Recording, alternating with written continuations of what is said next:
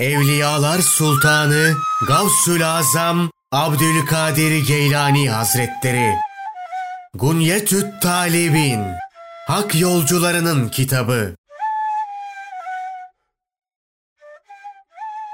Faziletli Ameller Eyyam-ı Beyt Orucu Allah ondan razı olsun. Ali bin Ebu Talib'in şöyle dediği nakledilmiştir. Ayın 13'ünde oruç tutmak 3000 sene oruç tutmaya denktir. 14'ünde oruç tutmak 10 bin yıl oruç tutmaya denktir. 15'inde oruç tutmaksa 100 bin yıl oruç tutmaya denktir. Bu üç günde tutulan oruç toplam 113 bin yıl oruca karşılık gelir. Abdullah el-Beceli'den Allah Resulü sallallahu aleyhi ve sellemin şöyle buyurduğu nakledilmiştir. Her aydan üç günü yani 13, 14 ve 15. günleri oruçlu geçirmek ömür boyu oruç tutmak gibidir. Allah ondan razı olsun.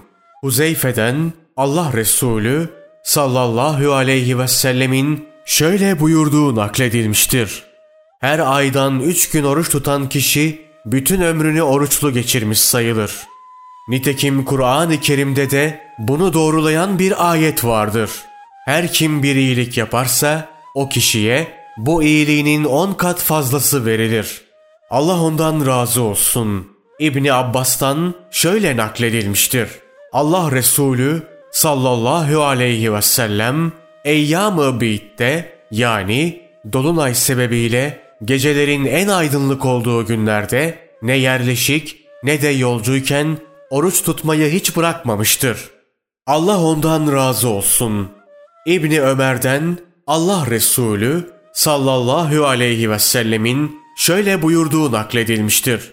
Her kim her aydan üç gün oruç tutar, sabahın iki rekat sünnetini ve vitir namazını yolculukta ve yolculuk dışında hiç bırakmazsa ona şehit sevabı yazılır. Allah ondan razı olsun. Ebu Hureyre'den şöyle nakledilmiştir. Resulullah sallallahu aleyhi ve sellem bana şu üç şeyi asla aksatmamamı tavsiye etti. Her aydan üç gün oruç tutmak, uyumadan önce vitir namazını kılmak ve kuşluk namazını kılmak.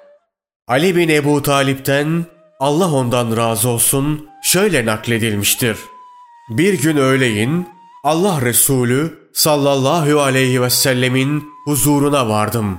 Odasındaydı. Selam verdim.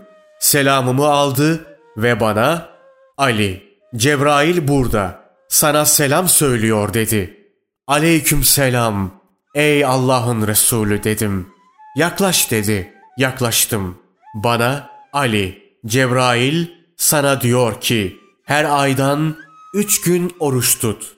İlk gün için on bin yıllık, ikinci gün için otuz bin yıllık, üçüncü gün içinde yüz bin yıllık oruç sevabı yazılsın dedi. Ey Allah'ın Resulü! Bu sevap yalnızca bana mı özgü yoksa bütün insanlar için geçerli mi diye sordum. Ali dedi.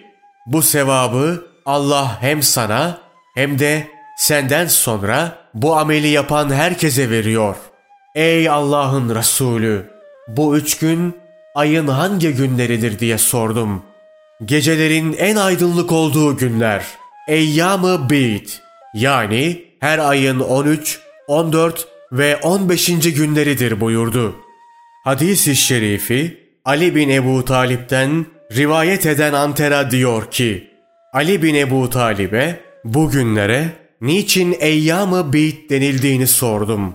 Şöyle cevap verdi. Allah Adem'i cennetten yeryüzüne indirince güneş onu yaktı ve bedeni esmerleşti.